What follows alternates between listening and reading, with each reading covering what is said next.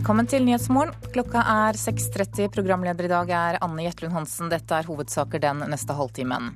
Operasjon Argo ble kåret til beste film under Oscar-utdelingen i Hollywood. Det ble ingen pris til Kon-Tiki i natt, men det var ingen sure miner for det. Vi er alle like glad i filmen vår og like stolte over å være nominert. Sier manusforfatter Petter Skavlan. En mann fra Oppland er tiltalt for seksuelle overgrep mot 20 gutter. I dag starter rettssaken. Mens rekordmange flyktninger står i kø for å få lov til å bo i en norsk kommune, så går Vadsø foran og bosetter flest i landet.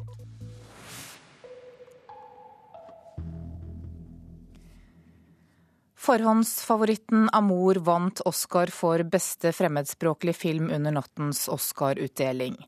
Norges håp Kon-Tiki måtte derfor gå tomhendt hjem fra utdelingen. Amour, Austria, Mikael Hanniken. Uh, thank you very much. Det var en tydelig rørt regissør, Michael Hanneke, som mottok Oscar for beste fremmedspråklige film under prisutdelinga i natt.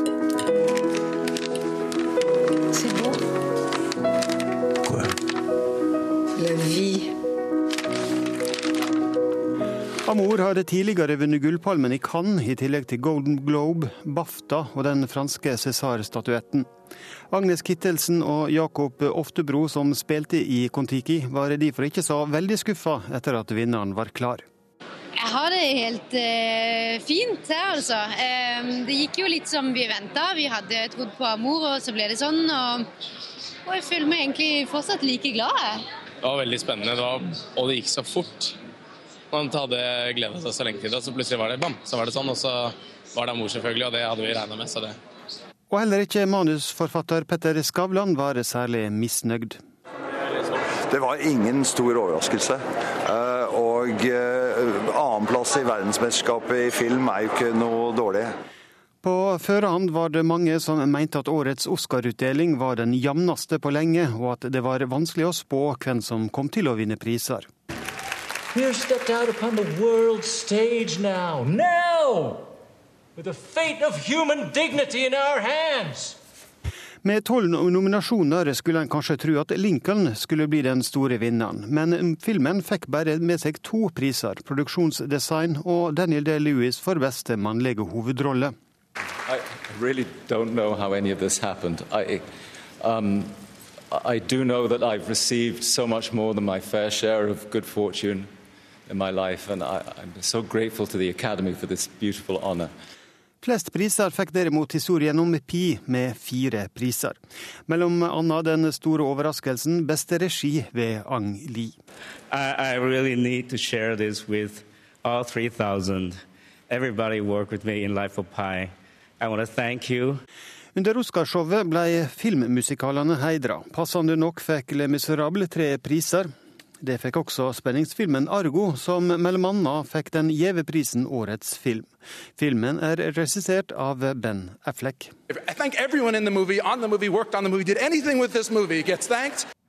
Reporter her, det var eh, Espen Alnes. Filmkritiker Inger Merete Hobbelstad i Dagbladet, vi begynner med 'Operasjon Argo', da, som vant prisen for beste film. Var det fortjent? Det var helt greit, vil jeg si. Eh, personlig syns jeg kanskje at eh, 'Amour', som også var nominert som beste film, var den sterkeste filmen i den, det heatet. Men den hadde jo en annen pris stemplet i panna. Alle visste jo egentlig at den kom til å få beste femspråklig film, og at da en av de andre antagelig kom til å bli, bli best film. Eh, 'Operasjon Argo' er en ekstremt vellaget film. Det er en tett, kompetent eh, thriller som jo handler om en redningsaksjon for å hente ut eh, amerikanske diplomater som var fanget i revolusjonær Iran på 70-tallet. Som klarer å holde spenningen oppe hele tiden, selv om man jo faktisk vet hvordan det går. Det er jo basert på virkelige hendelser, så det er ingen overraskelse i at de faktisk lykkes med det de prøver på her. Eh, men den er altså en ekstremt godt håndverk og litt av en da revansje for Ben Affleck, som har gått fra å være eh, Gikk fra å være Hollywood-wunderkind da han fikk Oscar for beste manus for Goodwill Hunting sammen med kompisen Matt Damon, til å bli sånn skandalisert tabloidmat da han, eh, sto, da han var sammen med Jennifer Lopez og laget det som ble regnet som det tiårets verste film i Jiggly, og som nå plutselig har kommet tilbake som anerkjent filmskaper. Så det er litt av en runde han har, han har vært på. Og det var hyggelig nok at den, at den vant. Du kan jo si at den har ikke den, kanskje den tyngde, den gravitas, den liksom eksistensielle overbygning, eller emosjonelle overbygning som man forventer av en film som vinner beste film. Men den var, du kan si de filmene som hadde mer av det, f.eks. Lincoln, som da må regnes som kveldens taper, har da også andre tydelige svakheter, som jeg vil si at en, et godt oljet maskineri som Operasjon Argo ikke har. Var det noen skikkelige overraskelser i, i, utdelingen? Jeg vil si det var to.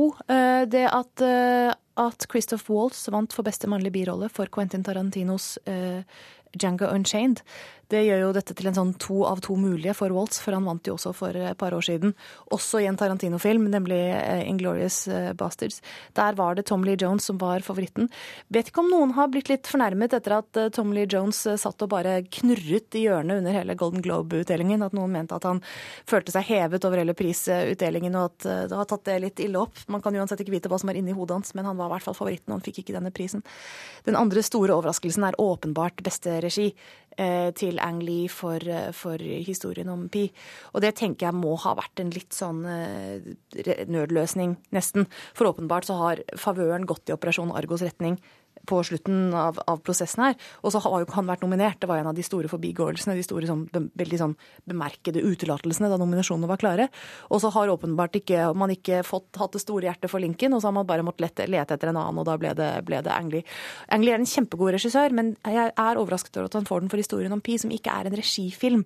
Eh, det er, altså Han bruker spesialeffekter i 3D, veldig, veldig innovativt, men så mye i den filmen er eh, effekter, er liksom trolldom på digitale lerreter. Det er ikke den filmen han først og fremst får vist frem hva han kan som regissør.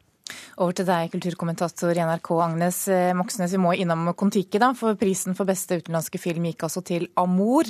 Og det hørtes jo ut som om de fleste, også Kon-Tiki-laget, var forberedt på det. Hvorfor var den en så klar favoritt i sin kategori? Amour er jo årets uh beste film, tror jeg man kan si. Og den har jo vunnet alt den har vært med på siden den uh, dukket opp i Cannes i vår. Så det har vært uh, ti måneder med jubel for den filmen uh, nettopp pga. dens kvaliteter. Men så må det jo sies at når historien skal skrives, så er jo dette et helt spesielt år for norsk film også. Vi er for første gang nominert til en Golden Globe med Kon-Tiki og Oscar. Det er første, altså ikke første gang Oscar, men første gang altså en Golden Globe. Det er første gang vi har vært nominert til den britiske prisen BAFTA med Hodejegerne. Og første gang vi ble nominert, nominert til en César, altså den franske filmprisen. Sånn at eh, nå gjenstår det bare én ting, og det er å vinne. Og vi kommer til norsk film kommer i årene fremover nå til å bli målt opp mot dette året her. Ja, Hva får denne nominasjonen å si for Kon-Tiki-filmen i utlandet? Ja, det, det, er klart at de får veldig mye oppmerksomhet nå. og Den skal vel, hadde vel, tror jeg, premiere i USA nå rett, altså for noen få dager siden. Så det er eh, Det gir den jo gass, dette her, og hjelper den eh, frem. Og amerikanerne er veldig, veldig glad i og opptatt av Thor Heyerdahl. Så, så, for filmen får det stor betydning, og så betyr det selvfølgelig mye for de som har vært på laget bak det, både skuespillere og ikke minst eh, regissørene. Hobbelstad, du har jo sittet oppe og sett på dette showet i natt. Det er jo ikke bare film, det er jo veldig mye annet òg. Hva var høydepunktene? Av det andre? Ja.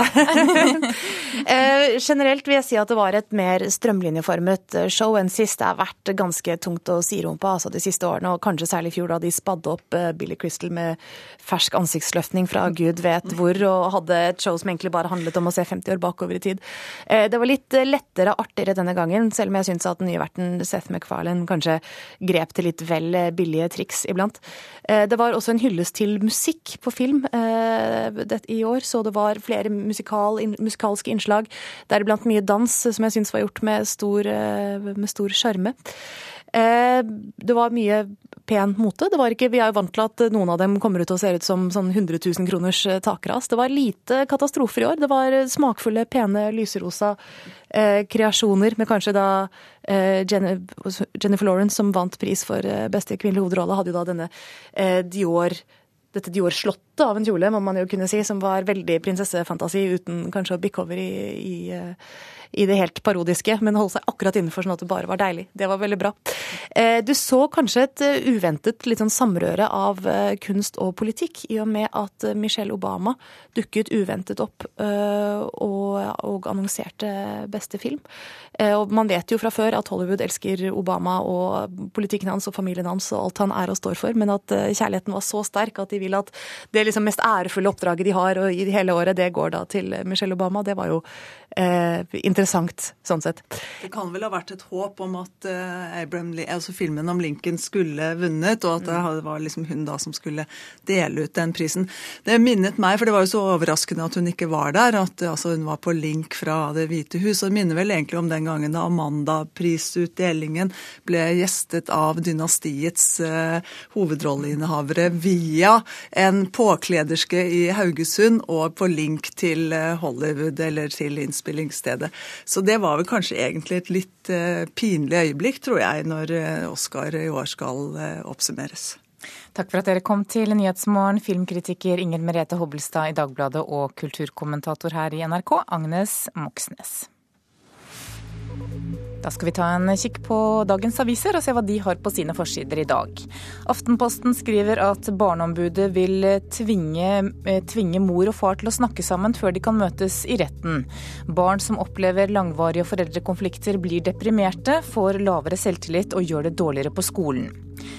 VG skriver om en utvist asylsøker som får både sosialhjelp og bostøtte fra Nav.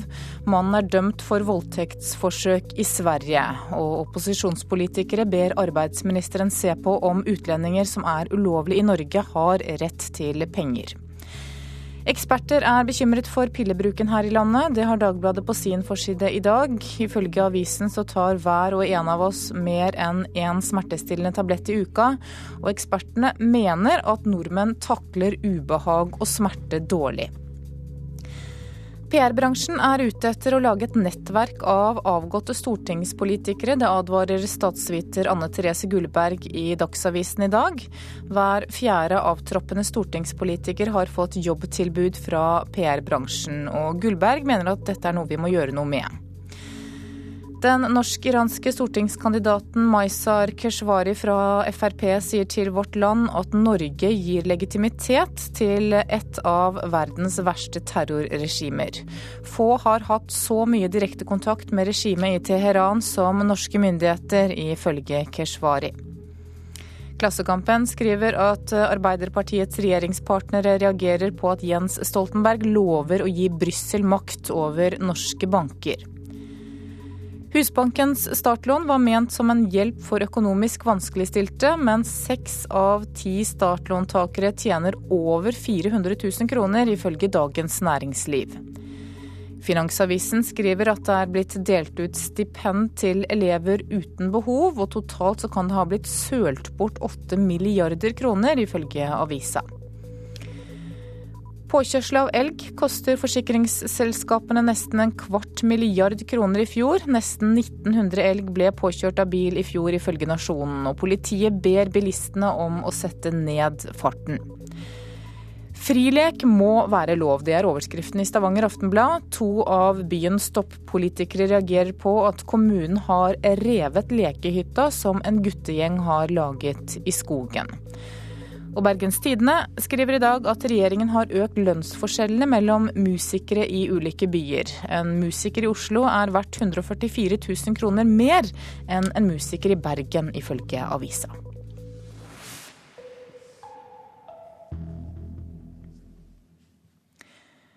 Castro-perioden tar slutt på Cuba om fem år. Nasjonalforsamlingen på Cuba har gjenvalgt Raúl Castro for fem nye år som president, og han gjør det klart at da går han av.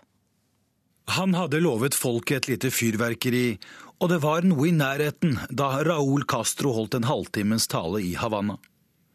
Dette blir min siste periode, sa den 81 år gamle tidligere generalen som har fungert som president siden 2006, da broren Fidel ble syk. Raúl Castro lovet videre reformer, men sa også at han ikke har blitt president på Cuba for å innføre kapitalisme i landet. Castro-brødrene har styrt Cuba siden revolusjonen i 1959, men i 2018 er det altså slutt for Castro-perioden på Cuba. Det kan få betydning for landets forhold til USA. USAs økonomiske sanksjoner kan nemlig ikke løftes så lenge Castro styrer. Og det sa utenriksmedarbeider Øyvind Nyborg. En mann i 40-årene møter i dag i Sør-Gudbrandsdal tingrett i Lillehammer tiltalt for seksuelle overgrep mot 20 gutter. Mannen er tiltalt for flere voldtekter, for seksuell omgang med barn under 16 år og en rekke seksuelle handlinger som er krenkende.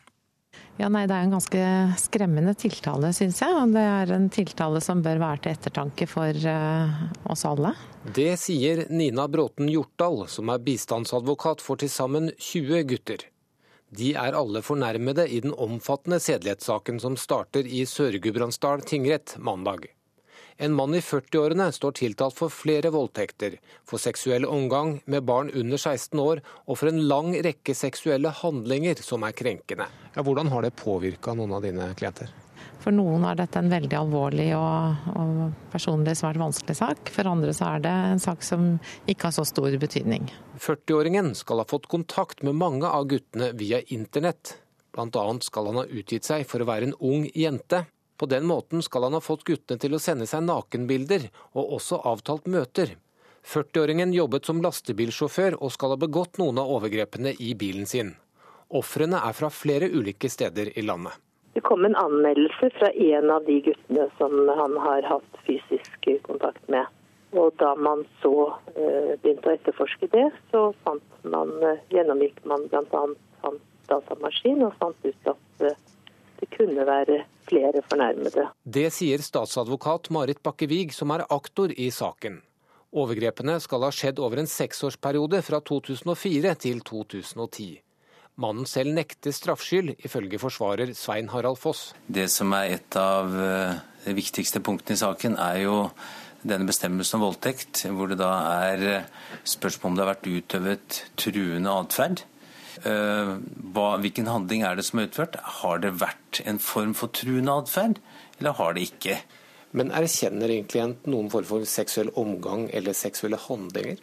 Ja da, det gjør han. Det er greit, men, eh, men eh, bare med de som er over 16 år.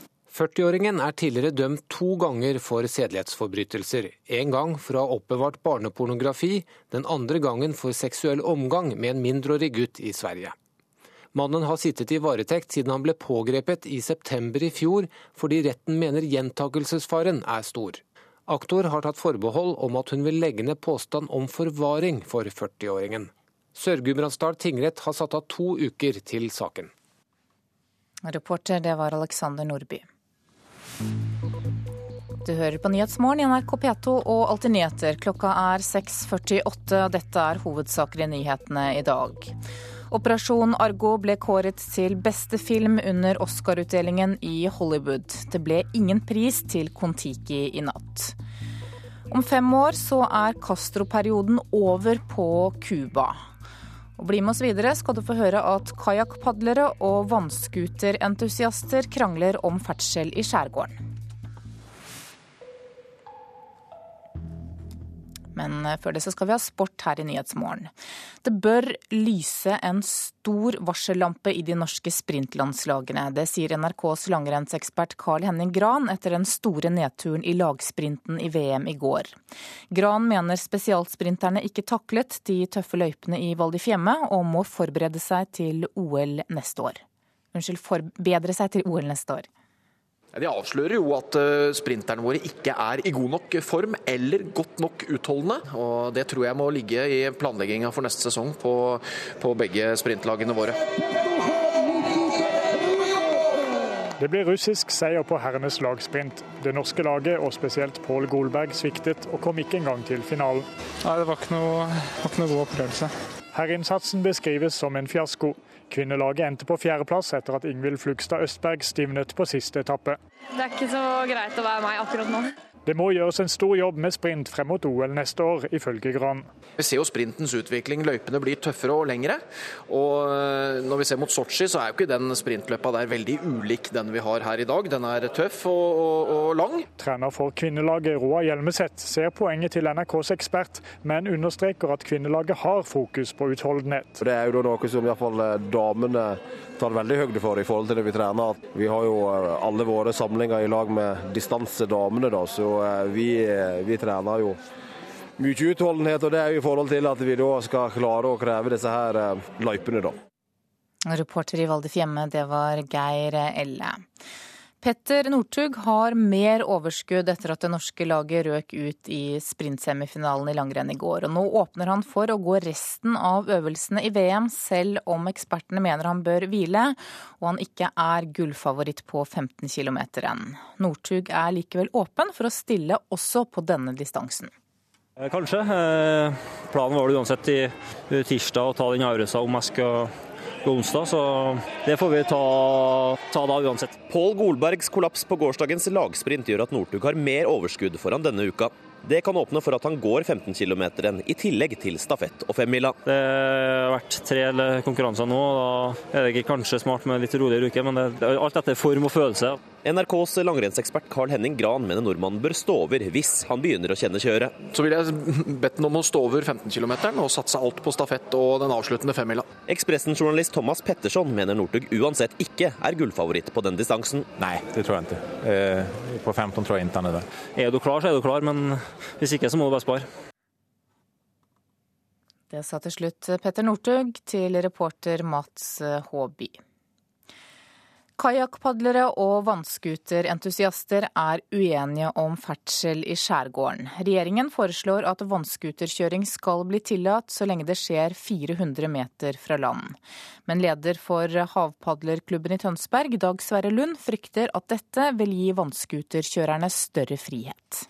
De fleste fjorder i Norge mellom holmer og skjær er under 800 meter. Så i realiteten så betyr dette her et uh, mer eller mindre totalforbud for, ferds, for sikker ferdsel med vannskuter. I juli i fjor ble det klart at kjøring av vannskuter i Norge, med unntak av enkelte lokale områder, skulle være forbudt. Dette viste seg å være ulovlig i henhold til EFTAs overvåkningsorgan ESA, noe som har ført til dette nye lovforslaget fra regjeringen. Dag Sverre Lund, som er leder av havpadlerklubben i Tønsberg, er redd for at dette lovforslaget vil gi vannskuterkjørerne større frihet? Det er jo faren for uh, kollisjon og, og, skader det, med, med vannskuter. Og, og, det er jo en ting. En annen ting er jo at disse farkostene har jo et enormt uh, hylende støynivå. Her er det et lite mindretall som vil forsure og ødelegge den flotte skjærgården vi, vi har her. Vannskuterselger Aas er ikke enig i at støy er et problem. Nei, det er, det er helt feil. Det, det støymålingen og det som Miljøverndepartementet sitter med, er ting som er foretatt på 80- og begynnelsen av 90-tallet. Og en moderne vannskuter i dag støyer langt mindre enn de fleste båter.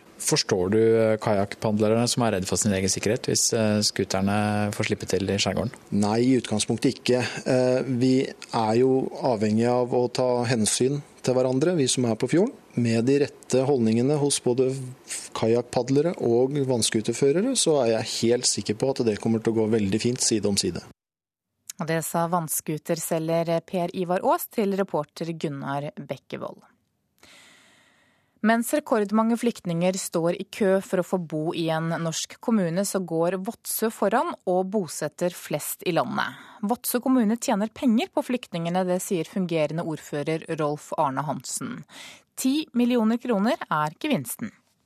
Vi har fått en effektiv eh, administrasjon av flyktningbosetninga, sånn at eh, jeg vil jo si at vi, vi tjener også penger på det.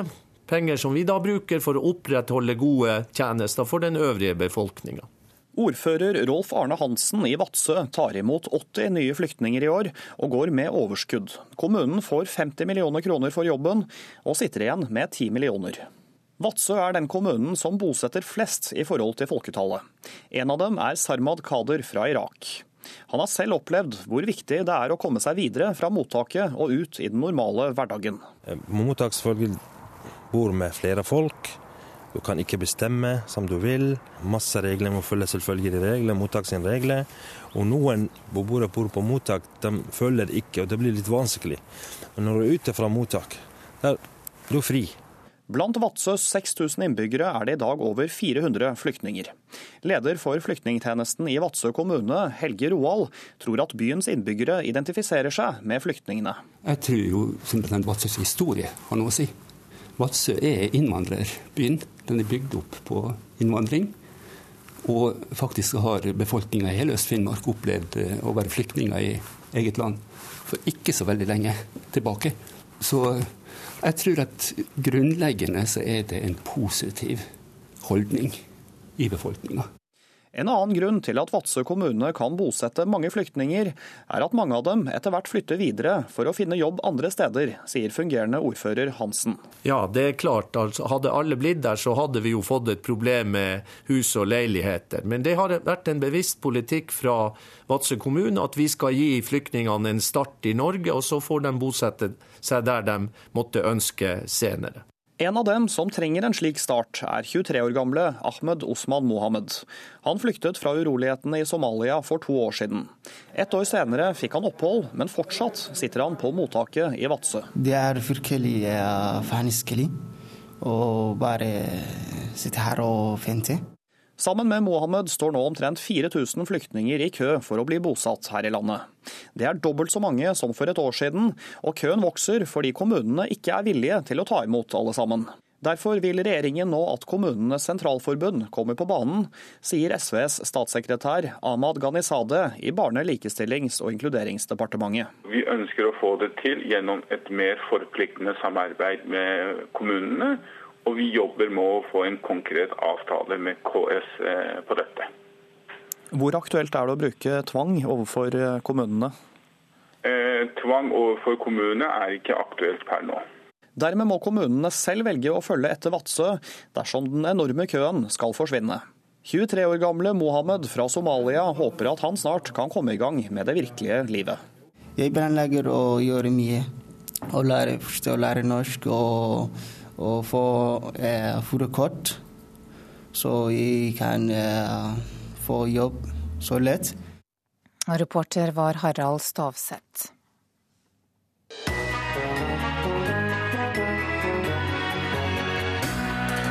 Når helga er over og hjerna trenger å bli vekt til live igjen, da stikker Radioselskapet til Seniorsenteret. Vårt helsevesen, det er smykket vårt. Hvis han får bruke moral eller en ytre sikkerhet. Klarer han det i løpet av et år, ære være han. Og setter nye Viku på rett kjøl. Radioselskapet klukka 11. Nå nærmer klokka seg sju, og vi skal se på et værvarsel som gjelder til midnatt. Østafjell og fjells og fjell i Sør-Norge kan vente seg skiftende bris i dag. På kysten øst for Lindesnes nordøstlig frisk bris først på dagen. For det meste pent vær, men skyet i nordøstlige deler av Hedmark. I kveld er det ventet noe tilskyende både i nord og i øst. Vestlandet skiftende bris, i kveld økning til sørvestlig liten kuling på kysten nord for Stad. Pent vær, noe tilskyende i nord i kveld. Trøndelag sørvestlig opp i frisk bris på kysten, i kveld stiv kuling. Etter hvert stort sett pent vær, først i sør. Helgeland økning til sørvestlig liten kuling på kysten, i kveld stiv kuling og enkelte regnbyger. Saltfjellet, Salten, Ofoten, Lofoten, Vesterålen og Sør-Troms kan vente seg sørvestlig stiv kuling i dag. I kveld økende til liten storm på kysten og i fjellet. Sent i kveld full storm inn Vestfjorden, og ellers er det ventet regnbyger. Nord-Troms og kyst- og fjordstrøkene i Vest-Finnmark økning til sørvestlig stiv kuling. I ettermiddag sterk kuling. På kysten regnbyger og i fjellet snø. Finnmarksvidda dreining til sør-vestlig bris. I ettermiddag økende til vestlig liten kuling og litt snø. Øst-Finnmark opp til liten kuling og skiftende retning snø. Fra i ettermiddag vestlig sterk kuling utsatte steder og sludd. Og på Nordensjøland på Spitsbergen er det ventet skiftende bris i dag. I ettermiddag østlig stiv kuling utsatte steder. I kveld nordøstlig frisk bris og ellers snø og snøfokk.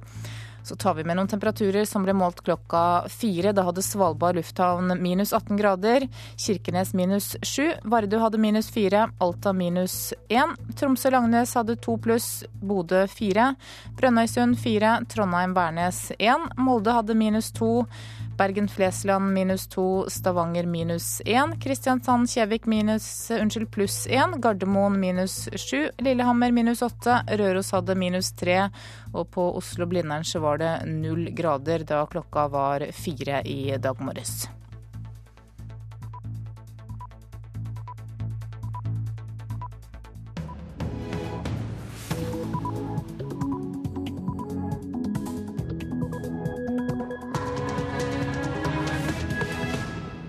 Klokka er sju. Du lytter til Nyhetsmorgen med Anne Jetlund Hansen i studio. Her er en nyhetsoppdatering. Barn med minoritetsbakgrunn blir sendt ut av Norge fordi foreldrene er redd for barnevernet. Det forteller fagkoordinator i Kirkens Bymisjon, Vilde Reichelt. Og så ringte barnevernet oss, for da hadde familien forsvunnet. Og så spurte de om vi visste hvor familien var, og om vi kunne hjelpe dem. Noen ganger drar hele familier, andre ganger er det barna som må reise. Forhåndsfavoritten Amour vant Oscar for beste fremmedspråklige film under nattens Oscar-utdeling. Norges håp Kon-Tiki måtte gå tomhendt hjem fra utdelingen.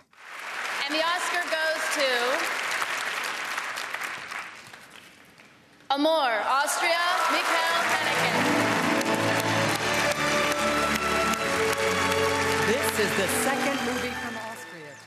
Hørte vi fra utdelingen i natt. I Grenland jobber LO sammen med NHO for å bremse lønnsutviklingen. LO ber medlemmene sine vise moderasjon i vårens oppgjør. I dag skal palestineren Arafat Jaradat begraves. Han døde i israelsk fangenskap i helgen, og ifølge palestinske myndigheter døde han som følge av tortur. Og antall eldre over 65 år med førerkort har økt med nesten 30% de siste ti årene, og kommer til å øke enda mer fremover. Nyhetsmorgen. Aller først nå til nattens Oscar-utdeling. Der stakk Operasjon Argo av med den gjeveste prisen av dem alle, nemlig prisen for beste film. Mens Kon-Tiki måtte se seg slått av østerrikske Amour under nattens utdeling. Og USA-korrespondent Anders Tvegård, du har fulgt showet i natt. Hva var høydepunktene? Ja, dette har vært et eh, fyrverkeri av en kveld som bare amerikanerne kan. Oscar-showet er årets høydepunkt for eh, filmbransjen. Først så har du den røde løperen, kjoler og glamour, og så uh, har du overraskelsene når akademiets stemmer er talt opp. Dette her har vært en kveld med flere overraskelser. Nå er det flere fester på gang. Ja, Hva er de største overraskelsene? Det er vel uh, regissørprisen til um, Ann Lie, 'Historien om Pi'. Der var det helt andre forhåndsfavoritter. Uh, et høydepunkt er Daniel Day-Lewis, som nå skaper historie og blir den første mannlige skuespilleren som har tre Oscar-statuetter med seg. Så var det en overraskelse også at Michelle Obama dukket opp fra Det hvite hus. Shirley Bassey, hun sang. Det har vært en seremoni her, som nok mange synsere må gå litt etter i, i sømmene, eller, eller, kanskje ha en um, Det var ikke alt som slo til av, av det som uh, folk hadde spekulert i på forhånd. Mange her hjemme krysset fingrene for Kon-Tiki, men det ble altså ingen pris til den norske filmen. Hvordan er de norske reaksjonene der du er?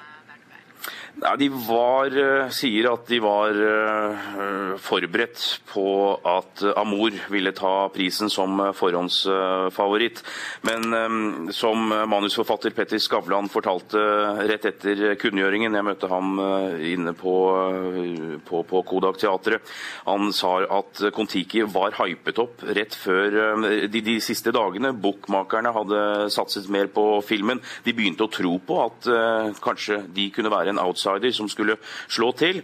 Eh, nå viser det seg da at Amor eh, vant likevel. De sier nå at de bare er glade og stolte over å ha kommet så langt i, eh, i Oscarshowet. Dette showet det er jo som du sa, mye mer enn bare film. Hvem var det som fikk mest oppmerksomhet under dette showet i natt? Ja, altså Det er jo eh, selvfølgelig hva folk har på seg, men det ble jo godt lagt merke til et pinlig fall da Jennifer Lawrence som eh, beste kvinnelige skuespiller falt da hun skulle gå opp på scenen. Eh, det er jo noe som kommer til å bli, bli husket, for sånne fall er jo relativt pinlige. Men det er jo også ikke bare film, det er jo musikk. Adele som synger James Bond-sangen 'Skyfall', får en Oscar for den, har en relativt nervøs opptreden, er det flere som sa i presserommet der, der jeg satt. Det er en, et, et fyrverkeri av en forestilling og en, en festkveld som eh, går direkte for, en, eh, for flere millioner mennesker i USA. Gikk på NRK i natt, og helt sikkert andre steder i verden også. Takk for at du var med i Nyhetsmorgen, USA-korrespondent Anders Tvegård. LO i Grenland ber medlemmene sine vise moderasjon i vårens lønnsoppgjør. Finanskrisen i Europa påvirker også norsk industri, og flere industriledere har oppfordret til et nulloppgjør. Torgeir Larsen er konserntillitsvalgt ved smelteverket Eramet i Porsgrunn, og han støtter oppfordringene fra industrilederne. Eh, I prinsippet kan jeg godt være enig med lederne at eh, vi må sikte oss inn mot Europa og ikke gå for langt ifra. Eh, sannheten er jo at Norge går i en retning, mens resten av Europa går i en annen retning. Og det er nok ikke bra i det lange løp. Og Larsen får støtte av NHOs regiondirektør i Telemark, Nikolai Boje. Vi ser jo det tydelig nå f.eks. også innenfor oljerelatert virksomhet, altså petroleumsrelatert virksomhet. Vi ser at Statoil nå setter ut kontraktene sine fra Norge til Sør-Korea. Og det er det er et klart signal til bedriftene om at vi nå må tenke på nytt. Både fagbevegelsen og næringslivslederne i Grenland ønsker å bremse lønnsveksten for å bedre lønnsomheten i industrien. Dette samarbeidet fortsetter også i år, men utfordringen blir å få med seg resten av landet i moderasjonskravet. Ja, Det er en knallutfordring, det er ikke tvil om det. Fordi det er jo så veldig mange sammensatte uh, fagforeninger osv. Og, så og mange er store, mange har makt osv. Men det er klart at når det stadig vekk kommer signaler fra Norges største industristed, som vi har her i Grenland, så er det klart at det teller i den store sammenhengen i en periode. Reporter her, det var Hans Christian Eide. Professor Steinar Holden ved Universitetet i Oslo, velkommen til Nyhetsmorgen. Du leder et utvalg som skal styrke grunnlaget for en lønnsdannelse som tjener sysselsetting og fordeling i årene fremover. Og NHO og LO i Grønland, Grenland jobber nå sammen for å bremse lønnsveksten. Hvor vanlig er det i norsk næringsliv? Nei, Det er vel ikke så veldig vanlig det, men nå er det klart at eh, deler av norsk industri eh, har jo alvorlige problemer med kostnadsnivået har blitt veldig høyt. og Det er jo veldig forståelig nå at de er bekymret for det, at de er redd for jobbene sine og at de ønsker å få ned lønnsveksten av den grunnen der. Ja, du, hvorfor kommer denne felles oppfordringen til mer lønnsmoderasjon akkurat fra LO i Grenland? Det er jo fordi det, de har mye tradisjonell industri, og det er jo de som eh, sliter eh, mest. Altså Deler av industrien har greid seg fint fordi de har eh, satset på leveranser til oljesektoren, og da har man greid seg. Men for de som ikke har gjort det, eller ikke har fordel av andre naturressurser eller andre nisjer, de sliter. Vi hørte regiondirektøren for NHO i Telemark her, Nikolai Boje, si at utfordringen nå blir å få med seg resten av landet på dette moderasjonskravet. Hvordan er mulighetene for det, tror du? Jeg tror nok de kan få eh, andre med på moderat lønnsvekst, men eh, hvor langt ned man kommer, det er litt mer usikkert. Det er jo godt trykk i deler av norsk økonomi eh, fortsatt. Sysselsettingen øker jo dels pga. petroleumsinvesteringene, også fordi det er lavt rentenivå. så det er også god lønnsomhet i deler av næringslivet, så da kan det bli vanskelig å, å få lønnsveksten ordentlig langt ned. Men, eh, men, de burde kunne få den et godt stykke ned. Og det er klart at siden inflasjonen er så lav, så blir det jo god reallønnsvekst for alle uh, uansett. Men hva får fagbevegelsen igjen da for en slik moderasjonslinje? Det er lavere lønnsvekst. Det vil nok bidra til en bedre konkurranseevne for norsk industri. Og, og det vil gjøre at vi mister mindre arbeidsplasser til eh, utlandet. Eh, men det kan nok også da gi, eh, føre til at eierne får en litt større del av kaka, og det er jo et problem eh, sett fra arbeidstakernes side. Ja, for Regiondirektøren her, Nikolai Boje, sier at vi ikke kan fortsette med den lønnsutviklingen som vi har hatt de siste årene. Har han rett? Ja, det har han rett i. Vi har jo hatt en formidabel lønnsvekst målt i reallønnsvekst. Altså Hvis vi sammenligner veksten i lønningene med veksten i prisene, så har det vært en fantastisk vekst over lang tid, og den kan vi ikke fortsette. Du leder også dette nyoppnevnte Holden III-utvalget som skal styrke grunnlaget for en lønnsdannelse for fremtida. Hva er viktigst å vurdere da? Det viktigste er jo at eh, lønnsfastsettelsen tar hensyn til den situasjonen og den økonomiske stilling som bedriftene og næringslivet er utsatt for, sånn at man ikke får eh, for høy lønnsvekst. Fordi vi har jo sett i perioder at lønnsveksten har vært blitt for høy, og at det skapt, har skapt store problemer for eh, hele økonomien. Så, så det viktigste er å, å se på hvordan man kan få lønnsveksten til å fungere på en ansvarlig måte. Når det gjelder lønnsoppgjøret, da, er frontfagmodellen den beste måten å styre lønnsforhandlingene eh, på i vår økonomi? Ja, Vi jo, har jo fått oppgave å ta den som gitt. Vi skal ikke vurdere alternativer til den. Men jeg ser vel egentlig ikke noe god grunn til å se på alternativer heller. fordi frontfagsmodellen har jo fungert godt i all hovedsak for eh, Norge. Takk for at du kom til Nyhetsmorgen, professor Steinar Holten ved Universitetet i Oslo. Flere ganger i året så skjer det at minoritetsforeldre sender barna sine ut av Norge for å unnslippe barnevernet. Foreldre med innvandrerbakgrunn er overrepresentert blant foreldre som blir fratatt eh, ungene sine, og for noen så blir redselen for barnevernet så sterk at de velger å sende barna sine bort. Og så ringte barnevernet oss, for da hadde familien forsvunnet. Og så spurte de om vi visste hvor familien var, og om vi kunne hjelpe dem noen ganger drar hele familier, andre ganger er det barna som må reise. Det siste året har fagkoordinator ved Primærmedisinsk verksted i Kirkens Bymisjon, Vilde Reichelt, sett tre barn forsvinne ut av landet etter at barnevernet har kontakta familien. Men eh, vi har ikke hatt kontakt med familien etterpå, vi har bare hørt at de har reist ut av landet. Sånn at eh, vi vet ikke den dag i dag hvilket land de dro til. Det er litt vanskelig å anslå hvor ofte dette skjer. Det er noe som skjer. Sier leder i somalisk nettverk Bashe Mosse. Ingen har en skikkelig oversikt over hvor mange barn det her gjelder, men i de mest innvandrertette bydelene i Oslo forsvinner minst seks barn i året, forteller barnevernsledere der til NRK. Mosse tror noen drar pga. misforståelser. At en familie da, flytter fra Norge på bakgrunn av eh, kanskje misforståelse. På bakgrunn at man ikke har sjekket saken at man har ikke snakket sammen og ikke har fått en informasjon om hva dette omhandler, syns jeg er sånn, det er litt trist. Også Reichelt i Primærmedisinsk verksted, som bl.a. driver med integrering, tror barnevernet har et ufortjent dårlig rykte i somaliske miljø. Vi tror veldig ofte at en bekymringsmelding blir mottatt sånn at eh, foreldrene da tror at barnevernet skal komme og ta barna. At de ikke forstår at dette er en, en håndsrekning fra barnevernet hvor man skal gå inn og se hvordan barna har det. Men at de opplever at oi, nå kommer, nå kommer, de snart og å ta barna våre. Det er ikke ulovlig å sende barn ut av Norge etter en bekymringsmelding fra barnevernet, men det er i ytterkanten av lovverket hvis det skjer etter vedtak om omplassering. Reichelt i Primærmedisinsk verksted er bekymra for sikkerheten til barna i utlandet. Vi mener at det er veldig veldig viktig å ta fatt i dette. For det, i et barnerettslig perspektiv så er det ikke akseptabelt at barn sendes ut. Det er eh, sannsynligheten for at de kommer til områder hvor det er mye mindre sikkerhet i forhold til det å ha et, barn, et, et liv som barn, er det vel liten tvil om. Reporter her, det var eh, Kristine Svendsen. Tidligere denne måneden så la Redd Barna frem rapporten 'Tåler noen barn mer juling?', og der det har de kartlagt hjelpeapparatets håndtering av barn fra minoritetsfamilier som har vært utsatt for eh, vold. Janne Rånes, leder for innenlandsarbeidet til Redd Barna, velkommen til Nyhetsmorgen. Takk for det. Hva syns du om at foreldre sender barna sine ut av landet for å unnslippe barnevernet? Det er en veldig dramatisk situasjon for de ungene det gjelder. Men jeg tenker at det er på et vis tre tapende parter her.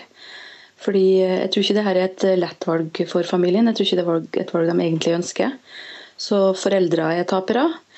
Eh, barnevernet består også igjen som tapere på et vis, fordi at eh, de makter ikke å få inngripen i de familiene. Eh, de går rundt og har grunn til å være bekymra for et barn, og det barnet blir borte. Det er ingen bra situasjon for en barnevernsarbeider. Og så er den, den siste tapergruppen på er jo de ungene det faktisk da gjelder. Og de mister jo da alt det som er kjent og trygt for seg. Eh, de mister skole, de mister venner. Eh, vi er jo veldig usikre på hva de kommer til, for det vet man jo ikke. Det er jo ingen som har oversikt over denne situasjonen. Så det er veldig bra at man nå får oppmerksomhet rundt det. Og jeg tror òg vi må forsøke å få til en kartlegging av eh, omfang, hvilke barn det gjelder, om det er spesielle grupper, om ja, i forhold til kjønn osv. Og, og hva kan vi gjøre for å unngå at dette skjer? Det var mange i denne reportasjen som snakka om eh, misforståelser og tillitsbrudd. Vår rapport viste også at det er en stor tillitskrise mellom en del minoritetsmiljø og barnevern. Og vår studie viser at det dreier seg om at eh, en del i minoritetsmiljø har ingen forståelse, eller egentlig ingen knagger til å forstå heller hva barnevern er for noe. Når du får et veldig ensidig fokus på at barnevern tar barna dine, og ikke får fram at den største andelen av barnevernsarbeid dreier seg om å gå inn og hjelpe i familier, så er det kanskje ikke så rart at de familiene er redde. Så det å nå ut med informasjon og nå ut der de familiene lever, eh, gjerne gjennom minoritetsorganisasjoner, kanskje gjennom eh, religiøse miljø, det er en forutsetning for å få bort noen av de eh, feile forestillingene. Ja, hva, ja, unnskyld, hva, kan, hva kan barnevernet gjøre da for å, for å, unngå å fremstå som så farlig da, i hermetegn? Jeg tror de må ut av kontorene sine og informere mer. Og så er det òg innmari viktig at barnevernet når fram til ungene. Fordi Hvis barn og unge sjøl vet hva barnevernet står for, så kan det godt være at barn i mye større grad spør om hjelp sjøl. Da spør de nok om hjelp mye tidligere. Og kanskje slipper en å gå inn med så drastiske tiltak som en omsorgsovertakelse til slutt. Da har saken gått for langt. Så det å komme tidlig inn, eh, få fram god kunnskap og informasjon om hvordan barnevernet jobber og hjelper, tror jeg er en veldig god start. Janne Rånes, takk for at du var med i Nyhetsmorgen. Klokka er 7.15. Du hører på Nyhetsmorgen i NRK P2. Dette er hovedsaker i dag. Barn med minoritetsbakgrunn blir altså sendt ut av Norge fordi foreldrene er redd for barnevernet. Operasjon Argo ble beste film under nattens Oscar-utdeling. Og på Cuba så er Raúl Castro gjenvalgt som president, men han sier at han går av etter denne perioden.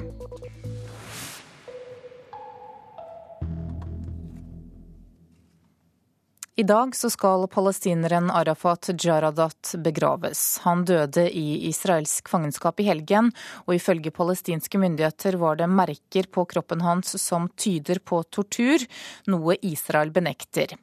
Israelske myndigheter har bedt de palestinske selvstyremyndighetene om å sørge for ro på den okkuperte Vestbredden. Det har vært demonstrasjoner på Vestbredden og også i andre arabiske land.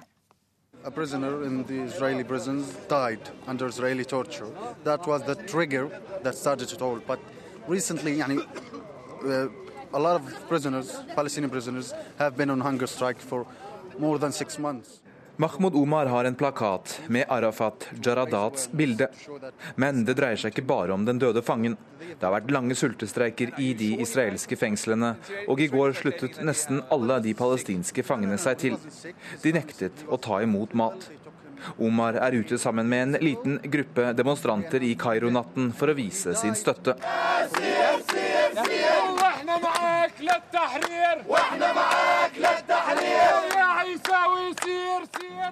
Jaradat ble arrestert for rundt en uke siden, mistenkt for å ha deltatt i steinkasting mot israelske bosettere. Ifølge israelske myndigheter døde han av hjertestans og var ved dårlig helse da han ble arrestert og forhørt. Men den palestinske legen som deltok på obduksjonen, sier det var mange sår og merker på kroppen som tyder på tortur. Det er nå spent på den okkuperte Vestbredden. Fangespørsmålet forener palestinerne som få andre tema. The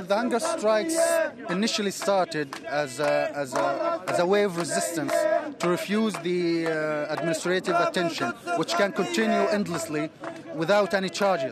Adnan started it Omar forklarer at dette dreier seg om alle som sitter i administrativ arrestasjon, en kategori fanger som israelsk politi og etterretning ikke trenger å legge fram bevis for å holde fengslet. Mahmoud Omar er selv palestiner, bosatt i Kairo, og jeg treffer ham utenfor hovedkvarteret til Den arabiske liga her i den egyptiske hovedstaden. Den siste uken har det vært demonstrasjoner til støtte for de sultestreikende på Vestbredden, og Jaradats død i fengsel gjør situasjonen enda mer spent. I Hebron, hvor Jaradat kommer fra, har det vært voldsomme opptøyer i helgen. Både på palestinsk og israelsk side snakkes det nå om en mulig tredje intifada. Omar er mer tilbakeholden. The situation in the West Bank is quite uh, complicated. You have the BA, people, yani, stopping them from doing anything, and we have Obama coming soon. So I don't think there will be a massive movement. Det er komplisert på Vestbredden. De palestinske myndighetene kontrollerer folket, og de stanser folk fra å gjøre noe. Og så er det Obama som kommer snart, så jeg tror ikke det blir en massebevegelse. Men en intifada er en intifada, og man kan ikke spå når den kommer. Så kanskje, sier han. Israelske myndigheter har bedt de palestinske selvstyremyndighetene sørge for ro og orden på den okkuperte Vestbredden. Men det var i går få tegn på at de vil gjøre noe for å stanse dette nå. USAs president Barack Obama er ventet til Israel og Palestina i slutten av mars. Det blir hans første reise i området som amerikansk president. Sigurd Falkenberg Mikkelsen, Kairo. Vi skal videre til eh, Italia. Omverdenen håper nå på en stabil regjering i landet. Men det er protestpartiene som skaper engasjement i valget som startet i går, og som fortsetter i dag. Sosialdemokratenes leder Pierre Luigi Bersani ligger best an til å bli landets nye statsminister, men mange frykter en svak regjering. Og europakorrespondent Hege Moe Eriksen, hvorfor får protestpartiene stor støtte fra velgerne? Mange italienere har rett og slett fått nok av Italias politiske elite. Det har vært en valgkamp preget av korrupsjonsskandaler, og det kommer midt opp oppi landets verste krise siden andre verdenskrig. Dette er jo femte året med finanskrise i Italia. Det begynner nå å tære på reservene. Eh, situasjonen forverrer seg, arbeidsledigheten stiger, og folk leter nå etter eh, nye alternativer. Noen som kan skape et nytt håp om å ta Italia ut av krisa. Og det er eh, dette eh, som protestpartiene altså tjener på. Mange jeg snakker med her, sier de kommer til å stemme på komiker Beppe Grillo, som er valgkampens eh, store overraskelse og stjerneskudd. En mann som ligger an til å gjøre et veldig godt valg. Sosialdemokratenes leder Pierre Luigi Bersani kan bli ny statsminister. Hva slags leder blir han eventuelt? Ja, Bersani er på mange måter motsatsen til tidligere statsminister Silvio Berlusconi. Bersani er sosialdemokrat, han er familiefar. Han er en annerledes type eh, leder. En som lener seg mer på partiorganisasjonen, og som ikke er en slags eh, karismatisk enehersker som andre partileder kan eh, fremstå mer som. Bersani er en europeer, han er tilhenger av et sterkt EU og et godt samarbeid med Brussel. Men han er, i likhet med mange land i sør, motstander av de sterke kuttene og de reformene som nå pålegges fra EU, og tilhenger av å bruke mer penger og komme opp med tiltak som også kan skape vekst. Hva med Silvio Berlusconi, kommer han til å få noe makt? Det er ingen som tør å avskrive Silvio Berlusconi her i Italia. Og med han så vet man aldri riktig hva som kommer til å skje. Han har ikke ligget an til å vinne valget på meningsmålingene. Men mange mener at han eh, kanskje satser på at landet får en svak regjering som kan falle da om kort tid. Og så kan Silvio Berlusconi vende tilbake ved neste korsvei og, og kanskje gjøre et comeback da. Men uh, ifølge de siste meningsmålingene som var for to uker siden, så var han på andre andreplass. Han klatret riktignok på målingene og har krympet en del av ledelsen som Bersani og Venstrealliansen hadde i utgangspunktet. Så foreløpig er utfallet helt åpent.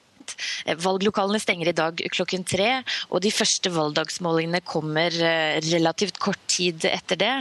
Så får vi se hva som skjer. Det er, knytter seg stor spenning til, eh, til hva som blir resultatet. Takk for at du var med i Nyhetsmorgen, europakorrespondent Hege Mo Eriksen.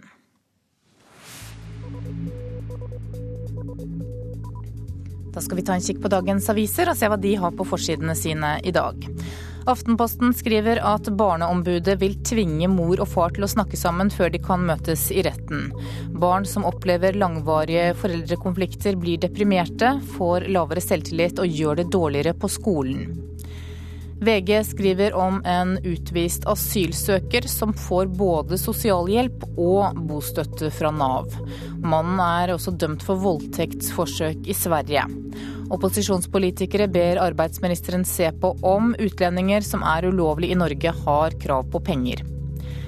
Eksperter er bekymret for pillebruken her i landet. Det har Dagbladet på sin forside i dag. Ifølge avisen så tar hver og en av oss mer enn én smertestillende tablett i uka, og ekspertene mener at nordmenn takler ubehag og smerte dårlig.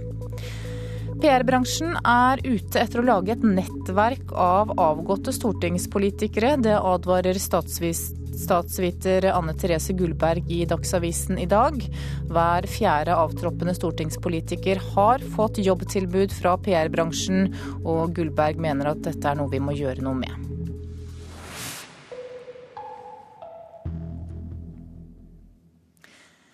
Det at eldre inntar trafikken trenger ikke å bety større trafikkrisiko. Det mener Rolf Robertsen, som forsker på eldre trafikanter.